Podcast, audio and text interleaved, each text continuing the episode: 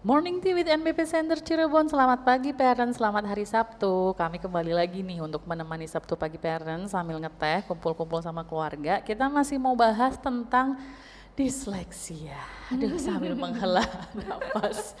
Udah episode ketiga tentang disleksia. Ini kali ini judulnya isu self esteem pada anak dengan disleksia. Aduh, isu self esteem kayaknya lagi deket banget ya sama kehidupan kita gitu dengan sosial media Iya. dengan dengan keadaan yang sekarang ini orang kayaknya eh, gampang gitu menjatuhkan orang lain Mm, gitu. Nah, betul. ternyata anak-anak pun bisa kena self esteem juga ya gitu. Pagi hari ini sudah ada nih em, ahlinya, pakarnya disleksia ada Ibu Citra Sabrina. Selamat pagi. Pagi Mbak Devi. Apa kabar? Kabar baik. Sabtu pagi tadi udah ngapain aja Bu? Udah ketemu pasien tadi. Hajin ya Sabtu-Sabtu ketemu pasien. Lalu eh, kali ini ditemani dengan terapis remedial ketiga kita ada Ibu Dwi. Ibu Dwi kenalan dulu dong. Ini kan belum pada belum pada tahu nih sama Ibu Dwi. ini. Oke, baik perkenalkan. Nama saya Dwi Ayustianingsih. Saya adalah terapis remedial di NBP Center Cirebon. Iya, termasuk terapi senior. Langsung aja ya eh, untuk pembahasan tentang self esteem pada anak disleksia sebenarnya Bu, sebenarnya isu self esteem ini juga waktu itu pernah dibahas ya di IG Iya, Live gitu. iya, Tapi betul. boleh deh di, diulang lagi self esteem itu apa dan pada anak itu bentuknya seperti apa. Mm-mm. Ya, jadi self esteem sendiri itu adalah persepsi seorang anak ya, seorang individu terhadap dirinya dari penilaian-penilaian di lingkungan sekitar, dari penilaian gurunya, penilaian eh, orang tuanya seperti itu. Jadi memang ini dia dapat dari semenjak dia mengalami proses eh, pembelajaran gitu ya, sehingga nilai dirinya negatif atau positif itu tergantung sekali dari lingkungan sekitar yang menilai seperti itu. gitu. Aku kayaknya punya cerita deh ini dulu waktu zaman aku sekolah dulu eh, aku tuh kan seneng banget nyanyi dari zaman kecil. Tapi ada salah satu guru aku di SD itu tuh nggak sengaja sih nggak ngomong di depan aku tapi kayak ngomong sama orang gitu dan aku denger cuma bilang aduh itu si Devi tuh suaranya tuh emang susah banget mau diatur semenjak saat itu aku nggak mau nyanyi lagi Ya, ya, ya, ya. jadi Iya, iya. mungkin itu berpengaruh. mungkin, eh, itu ya jadi bener-bener harus eh, dijaga ya sa- karena Iya. anak kecil itu kan recordnya itu kayak Memorinya lebih kuat. iya Iya, gitu dan itu saya ke bawah sampai lumayan loh sampai gede gitu sampai akhirnya bisa bisa coping dengan itu semua gitu mungkin guru yang ngomong pun udah nggak inget Iya, iya, iya. Iya, jadi memang harus berhati-hati ternyata ya Bu Iya, Citra dengan ya, gitu. Iya. Nah, berdasarkan pengalaman dari Bu Citra dan Mbak Dwi sendiri, biasanya contoh is- is- isu self esteem itu yang banyak sekali ditemui di anak disleksia itu bentuknya seperti apa? Mungkin dari Bu Dwi dulu kali ya. Boleh. Oke, eh, datang dengan memang anak ketika ditanya itu sulit untuk mengungkapkan apa yang dia rasakan. Ketika eh, ditanya juga diam menunduk. Lalu eh, kadang ketika anak datang tuh masih pakai topi, jadi mukanya ditutupin gitu, mukanya ditutupin. Terus bisa dengan hoodie juga eh, jaket yang untuk jaket yang ada Fungsinya buat nutupin eh mukanya jadi untuk gitu ya. menutupin mukanya Nggak mau terlihat gitu Iya. ya. Dan tidak mau kontak mata gitu. Jadi memang menunduk terus suaranya pelan. Jadi lebih banyak diam. Mungkin kalau eh, orang yang biasa lihat biasanya sih eh, terlihat malu-malu gitu. Lebih banyak terlihat malu-malu gitu. Seperti itu mbak. Oh, jadi memang eh, bentuknya lebih banyaknya seperti itu ya Iya, gitu. lebih Terus terlihat malu. eh, biasanya sampai berapa lama tuh eh, Adaptasi. eh, adaptasinya? Eh, macam-macam mbak. Macam-macam tergantung eh, tingkat self esteemnya juga. Mungkin eh, kalau misalnya kalau di saya memang ada yang eh, untuk penyesuaian di awal itu empat kali pertemuan itu masih masih belum mencair gitu. Jadi masih ketika ditanya juga masih eh, diem gitu. Jadi eh, memang butuh waktu yang lama untuk adaptasi bagi anak-anak yang dengan low self esteem seperti itu Jadi memang nggak bisa juga disamain ya gitu. Iya. Ada yang memang eh, empat kali sudah mulai Ada, terbuka, gitu. ada yang juga lebih lama dari itu. Ada yang eh, satu termin juga masih masih belum ada. masih belum ada ya Iya. karena itu juga mungkin juga lama kan. gitu. Iya. Jadi nggak bisa langsung dirubah gitu ya Bu Iya. Citra Iya, ya karena iya, itu kan betul. proses Eh, Iya.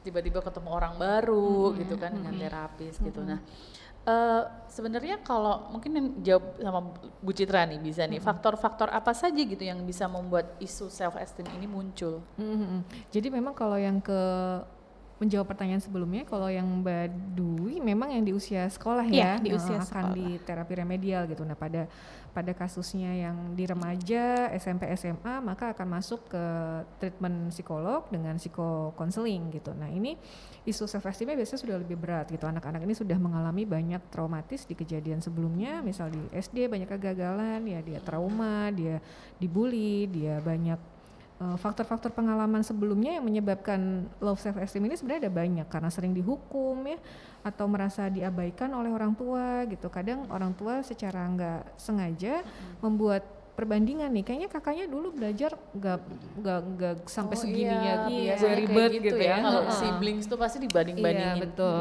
Terus perbandingan itu membuat anak merasa nilai dirinya kurang gitu dibandingkan kakak adiknya gitu ya. Terus juga eh, berada di tengah-tengah keluarga yang memang memiliki konflik banyak gitu, banyak konflik. Eh, anak tidak anak merasa tidak nyaman mengutarakan perasaannya dengan orang tua dan orang tua juga merasa kebingungan gimana sih caranya komunikasi sama anak ini kok unik banget gitu. Nah itu biasanya konflik terus tuh di keluarga ya. Terus eh, anak juga mendapat kurang mendapatkan kasih sayang ya kehangatan gitu. Jadi merasa salah terus merasa eh, kok nggak ada positif positifnya ya diri saya gitu. Selalu ditegur selalu dibilang kok nggak bisa apa-apa gitu ya. Jadi anak merasa gagal memenuhi target orang tua gitu. Nah terus belum lagi di sekolahnya misal eh, ada komplain misalnya kok mengerjakannya lama banget sih? gitu. Atau dari teman-temannya. Sampai ada juga kita di sini yang anak dibully karena teman-temannya paham bahwa anak ini sulit baca. Jadi dibully tuh nggak bisa baca nggak bisa baca. Nah itu kan terrecord ya. Ada juga anak yang eh, lagi treatment di kita lagi terapi di kita udah terperbaiki ya terus Iya. eh, suatu suatu hari dia datang ke sekolah telat dan sama gurunya dibilang kamu kumat lagi ya nah sejak Kumat kata gitu ya. kumat Iya. itu akhirnya drop Iya. ya Padahal benar-benar. hanya satu kata kumat Eh, eh, gitu. padahal ya. karena satu kata akhirnya performanya bisa balik lagi ya Budu ya Iya, jadi kayak eh, motivasinya jadi menurun lagi Hmm. gitu terus kayak dikasih tantangan di ruang terapi jadi kayak aduh gitu bener-bener ada apa sih diriku ini gitu jadi memang eh, kita perlu hati-hati untuk eh, anak-anak yang mengalami kesulitan belajar spesifik ya karena memang sangat rentan eh, pada apa namanya self esteemnya itu gitu Hmm, jadi gitu ya. Iya. Gitu. Terus eh, tanda-tanda nih anak disleksia. Jadi mungkin anak disleksia dan anak-anak secara umum ya sepertinya gitu agar kita juga bisa lebih aware gitu. Kalau eh, tanda-tanda anak kita nih kayaknya punya isu self esteem deh gitu eh, perlu segera dibawa ke profesional atau perlu segera ditanganin. Itu kira-kira apa aja Bu itu?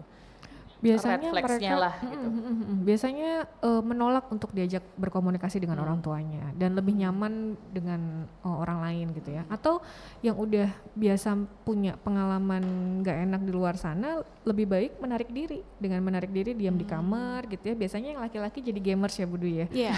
benar-benar ngegame aja kerjaannya terus kalau yang cewek-cewek Fokus dengan handphonenya Heeh, fokus dengan biasanya. handphonenya dengan media sosial sampai ada yang datang ke sini itu eh, sering banget nonton drama Korea sampai dengan kebutuhan sehari-hari itu jadi lupa gitu. Males mandi males makan gitu. Akhirnya basic life skillnya ya jadi kena ya. Padahal Iya, kalau iya. udah usia remaja harusnya udah tuntas Harus tuh. bisa, heeh, iya. gitu. Nah itu juga salah satu tanda-tandanya. Terus Oh. biasanya juga eh, apa namanya seperti yang tadi Bu Dwi gambarkan tampilannya jadi kayak malu gitu dengan identitas Iya, seperti diri ya. pakai hoodie pakai topi. Topi tuh kadang sampai ditutup gitu ke matanya jadi bener-bener mm, kalau bisa matanya nggak kelihatan gitu kalau bisa kepalanya masuk ke kaos juga masuk tuh kayaknya ya Iya. Memalingkan muka biasanya badan. Jadi itu tanda-tanda yang Betul. harus Iya, diwaspadai iya, ya. betul. Kalau anak-anaknya ada eh, attitude seperti Mm-mm, itu, mm-mm. ada kemungkinan Mm-mm. kemungkinan ya Iya, belum belum tentu. tentu. Jadi harus harus dicek lagi gitu. Iya. Nah kalau untuk anak disleksia sendiri ini eh, dampaknya apa ini saat anak disleksia men- eh, mempunyai isu self esteem ini sangat berpengaruh sekali sepertinya ya terhadap itunya. Iya, dam- Kehidupannya. dampaknya ya jadi nggak mau diberikan tantangan ya untuk uh, Iya. soal-soal yang kita berikan. Jadi males mengerjakan, terus biasanya udah frustasi duluan sebelum mencoba. Mungkin nih yang biasanya ketemu sama anak pra- anak sekolah ya. Ya, biasanya anak jadi kesulitan untuk mengeksplor dirinya ya, potensi potensinya tidak terasah karena anak ya itu dia dari di awal kesulitan untuk mengungkapkan keinginannya, menyampaikan pendapatnya sehingga potensinya itu tidak akan terasah. Lalu akan menjadi minder dan menutup diri seperti yang tadi disampaikan oleh Mbak Citra. Jadinya potensinya nanti nggak bisa di apa ya digali Dieksplor. gitu Iya. karena dia min- minder terus Iya. menutup diri terus Iya. gitu padahal sebenarnya kalau dia membuka diri kan tadi anak diseleksi kan ada eh, talent, Talent. pasti Iya, punya talent pasti ya punya di episode kemarin iya. kita bahas itu itu jadi nggak bisa digali padahal mungkin dia the next great apa gitu dengan so, isu el- self self esteem ini gitu. Kalau dampak terburuknya apa? Kalau eh, anak diseleksi ya dia punya isu self esteem. Dampak terburuknya apa ini jika nggak diintervensi dengan sesuai ini kayak ya udahlah biarin emang anaknya pemalu ya udahlah dia tuh emang senangnya di kamar gitu-gitu. Eh, dampak terburuknya apa? Dampak terburuknya bisa jadi dia bipolar disorder, dia juga bisa suicide ya, Mm-mm, bunuh diri. Kecenderungan iya. bunuh diri. Menya- biasanya nggak langsung ke sana, cuma biasanya mulai menyakiti diri sendiri, self abuse, depresi, ya, dulu ya, depresi dulu. Ada yang mukul-mukul kepalanya sendiri gitu, terus eh, menyakiti orang lain juga ada ya. Jadi dia Iya, ada. agresinya bener-bener pengennya menyakiti temennya gitu dengan gigit, marah berlebihan seperti itu. Dampak terakhir yang paling fatal ya dia menyudahi dirinya sendiri gitu.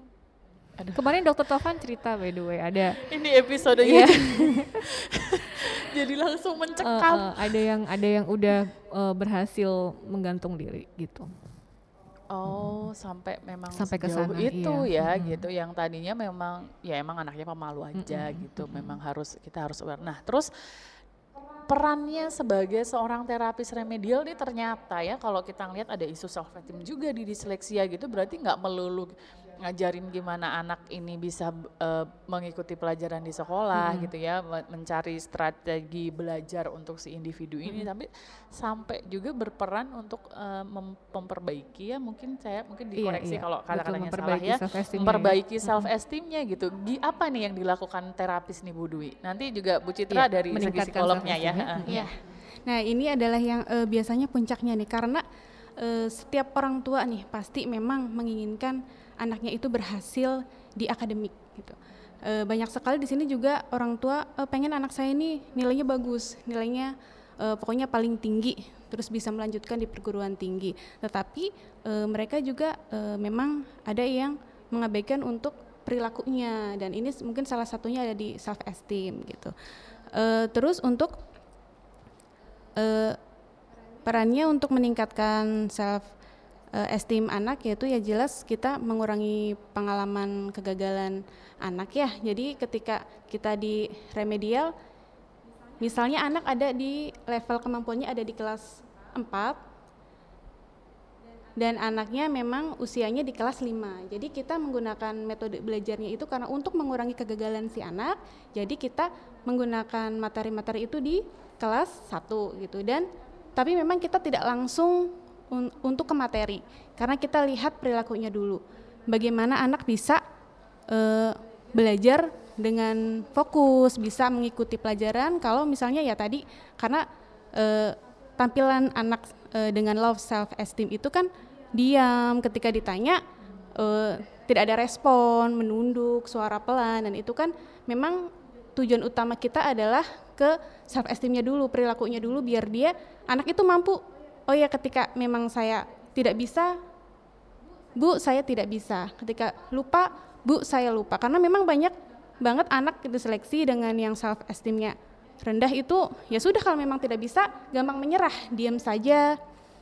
Ada juga yang menghindar gitu. Jadi memang kita perlu tingkatkan itu dulu biar anak gimana caranya anak itu bisa mengungkapkan eh, apa yang dia rasa, pendapatnya dia bagaimana dan bisa eh, mengikuti eh, akademik seperti itu. hatinya dibesarkan Iya. dulu ya misalnya tadi kan kemampuan dia udah kelas 5 kemampuannya ternyata di kelas 4 iya. kita nggak ngasih kelas 4 nih Iya. jadi kita kasih yang lebih di bawah agar dia oh oh mengurangi bisa kok iya, ternyata mengurangi gitu. kegagalan. Iya, jadi dibesarkan dulu hatinya, terus bonding juga ya dengan Iya, terapis. bonding dengan- Sambil terapi, sambil terapi biasanya ada obrolan gitu ya, ngobrolin like how was your day gitu, tadi di sekolah gimana gitu. Seperti itu ya mungkin Bu Dwi ya gambarannya ya. Kalau dari Bu Citra sendiri iya, gimana kalau Bu? dari eh, untuk meningkatkan self esteem itu sendiri, jadi memang kita perlu memberikan apresiasi ya eh, pada anak gitu. Apresiasi itu nggak perlu yang berlebihan, cukup kayak ih hebat ya udah nurut sama bunda gitu. Ih keren udah 10 menit belajar matematika, hal-hal yang ini nih. Mereka haus dengan dengan apresiasi seperti ini. Jadi hargai eh, proses anak yang sudah dikerjakan, dilakukan ya. Jadi kita berikan apresiasi dan puji keberhasilannya dengan tidak membanding-bandingkan dengan uh, orang lain, dengan teman-temannya gitu. Kamu kayak si itu Santi misalnya gitu. Si si Santi udah bisa baca, kamu kok belum? Nah, gitu kan juga biasanya nggak sengaja gitu. Nah, itu juga iya, heeh. Terus eh, orang tua juga bisa meningkatkan soft skillnya untuk menghadapi anak-anak disleksi dengan mengikuti workshop-workshop kita gitu ya. Jadi paham begitu mengenali anaknya maka akan berdamai itu dengan diri sendiri ya. Jadi seperti yang eh, di episode pertama kemarin dikatakan ya bahwa kita kalau mau menolong orang tua ya kita harus tolong diri kita dulu, kita paham dulu nih gitu ya, paham dulu disleksi itu apa sih, terus supaya itu juga bisa memutus urat marah kita gitu ya. Jadi orang tua lebih sabar gitu kan, seperti terapi-terapi remedial ini para terapisnya udah nggak ada tuh yang kata marah gitu ya. Jadi udah slow aja gitu ngadepin anak-anak yang punya apa penolakan tinggi terhadap tugas-tugasnya. Terus juga sampaikan pada anak bahwa proses itu lebih penting daripada hasil gitu. Jadi nggak yang banyak orang tua yang selalu bilang dek nanti ikut lomba menggambar ya. Nanti harus menang ya dek. Ngerjainnya harus cepet ya. Harus fokus ya dek.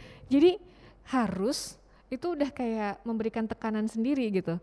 Terus minta hasil buat menang gitu kan. Nah, ini e, membuat anak bahwa oh gagal lagi ya buat banggain mama papa gitu. Jadi memang prosesnya kalau misalnya pengen anaknya, biasanya kan kita suka ngasih challenge ya. Kalau misalnya anaknya udah oke nih self esteemnya kayaknya, mbak kayaknya kita iseng-iseng ikutin lomba aja, iya ikutin lomba. Nah itu kita kasih semangat aja, deh, adek lomba tuh adek udah jadi pemenang loh, adek udah hebat, adek udah berani gitu. Jadi hal-hal yang seperti itu kita nggak orientasi pada hasil, tapi pada proses.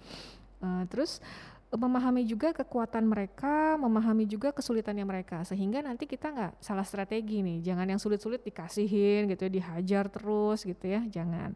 Terus juga kita uh, perlu mengembangkan kemampuan keterampilan ini juga eksekutif function anak juga supaya anak bisa lebih apa namanya bisa lebih memplanning dirinya sendiri gitu ya, tahu manajemen waktunya lebih bagus gitu, terus uh, regulasi dirinya lebih bagus, uh, effortnya juga lebih tampil ya gitu. Ternyata kemampuan executive function ini sangat signifikan uh, meningkatkan self esteem itu sendiri gitu. Jadi mulai dari kemandirian, terus uh, apalagi tuh uh, isu sosial emosi ya Iya. itu Iya. harus ditingkatkan gitu. Iya, jadi mungkin ini ya harus kenal dulu lagi, Betul, balik, balik lagi kenal lagi, dulu iya. sama anaknya, Mm-mm. lalu juga harus kita harus mengedukasi diri kita sendiri Iya. tentang Disleksia itu tentang, apa? ya, tentang disleksia itu apa Mm-mm. gitu dan eh, ya dirangkul Iya, anaknya betul. gitu karena kadang yang dibutuhin eh, bisa dibully apa pun di luar ketika pulang itu kan harus jadi Iya, safe place ya betul, gitu betul. bisa cerita Betul. apa pun sama mama Mm-mm, bisa ngomong apa pun sama papa Betul, gitu ya betul. jadikan rumah itu ya rumah Iya, gitu betul. home buat anak itu ketika pulang jadi jangan sampai deh ada Iya. yang gantung diri, Uh-uh. nyakitin Iya. diri, stres, bipolar, Mm-mm. segala macam. Nah untuk parents nih yang eh, butuh ya konsultasi, mau ngobrol-ngobrol gitu seputar self esteem anaknya, bisa juga datang ke NWP Center Cirebon bertemu dengan Bu, Bu Citra ya ada dari Senin sampai Jumat Iya, ya Bu ya. Jumat jam 8 sampai jam 4 sore. Nah jam 8 sampai 4 sore. Eh, kontak dulu ke admin. Boleh ya kontak dulu ke admin. karena jadwalnya biasanya lumayan padat gitu. Nah, em, closing statement deh dari Bu Dwi dan Bu Dwi dan Bu Citra gitu untuk episode disleksia yang ketiga ini tentang self esteem. Mungkin Bu Dwi dulu. Ya, kalau dari saya eh, seperti yang tadi sudah disampaikan juga sama Mbak Citra, Mbak Devi, jadi memang eh, harus kenali dulu kekurangan, kelebihan anaknya, terus mencari informasi banyak tentang eh, informasi disleksia atau mungkin self esteem semuanya. Jadi dicari lalu eh, benar-benar harus penerimaan kita meningkatkan penerimaan diri anak dan memang kalau kita sebagai orang tua juga dari orang tua dulu nih kita menerima iya penerimaan oh anak saya memang kekurangannya ada di sini kelebihannya ada di sini jadi lebih lebih biar banyak sabarnya dulu ya Eh, penerimaan diri itu lebih eh, ini ya Awal- benar-benar awal mula kuat ya untuk awal mulanya dari ya. Untuk melangkah ke Iya. depannya itu kita harus bisa menerima Iya, menerima. keadaannya. gitu ya. Dari Bu Citra? Iya betul. Jadi memang banyak sekali orang tua yang eh, kadang banyak menuntut, tapi maaf kurang kurang kita sebagai orang tua perlu bijaksana gitu ya untuk melihat eh, disleksia ini bukan masalah gitu. Disleksia ini bahkan ada yang bilang eh, hari ini disleksi nanti besok genius gitu ya. Jadi memang penerimaan dulu seperti eh, yang tadi kita bahas juga gitu. Jadi kita menerima dengan apa sih? Ya dengan meningkatkan eh, kita untuk ikut-ikut workshop, untuk kita baca literatur yang jelas gitu ya eh, apa namanya sumbernya gitu. Terus kita juga mencari tahu mengeksplor menemani anak untuk berproses gitu. Ikut parent support Betul, dulu betul. ya. Jadi jadi bisa ngobrol dengan ibu-ibu yang lain mungkin Iya. yang lebih senior gitu. Di- gimana perjalanan mereka sampai bisa menerima keadaan Iya, anak yang betul, diseleksi betul. ya karena diseleksi itu sangat kompleks betul. Iya, saya tiga episode aja udah. Minggu depan masih ada satu lagi episode. Masih ada masih lagi. satu satu Iya. episode lagi nih minggu depan gitu. iya itu Iya. Ya sudah eh, begitulah disleksia dan self esteem itu ternyata juga tidak bisa di- dipisahkan. Ya memang Iya. kompleks sekali disleksia itu banyak sekali eh, eh, apa yang yang terkait Iya. dengan disleksia. Dan balik lagi tidak bisa cuma menyerahkan eh, anak parents ke terapis, ke psikolog, ke dokter gitu. Lalu sudah lepas tangan. Ternyata ya dari pihak orang tua dan keluarga juga perlu mengambil andil. Dari pihak sekolah juga Betul, perlu mengambil andil gitu. Dan sisanya ya kita harus bersama-sama menyamakan persepsi gitu. Ya terima kasih sekali Bu Dwi dan Bu Citra Terima untuk kasih, waktunya episode kali ini ya. Disleksia episode ketiga, aduh. nah untuk parents yang memiliki pertanyaan boleh sekali bisa di DM melalui Instagram kami di mana Bu Dwi? di NBP Center Cirebon. Untung bener ya untung bener Untung bener. ya kalau salah. potong gaji ya. Aduh. Iya nih bisa dipotong gaji aduh. Atau bisa juga misalnya mempunyai keluhan gitu tentang anaknya gitu tentang tumbuh kembang anaknya bisa juga melalui email. Ke mana Bu Citra? mbpcenter.cirebon at gmail.com Ya, jangan lupa cantumkan usia, usia anak, anak, jenis kelamin, dan keluhannya. dan keluhannya. Nanti akan dijawab langsung oleh profesional kita, Iya. bisa terapi, psikolog, dokter atau bisa ketiganya Iya. ya gitu.